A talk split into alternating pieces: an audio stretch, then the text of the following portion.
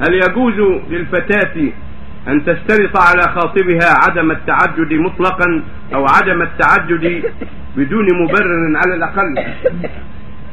ذكر العلماء أن لها ذلك. لها أن تشرط عليها ألا يتزوج عليها. لها أن تشرط عليها ألا يتزوج عليها. فإن تزوج عليها فلها الخيار. ما يحرم عليه الزواج لكن لها شرطها النبي عليه الصلاة والسلام قال المسلمون على شروطهم. وقال عليه الصلاة والسلام إنها حق الشروط يوفى به ما استحللتم به الخروج. وقال عمر مقاطع الحقوق عند الشروط. فإذا شرط عليها لا يتزوج عليها فلها شرطها.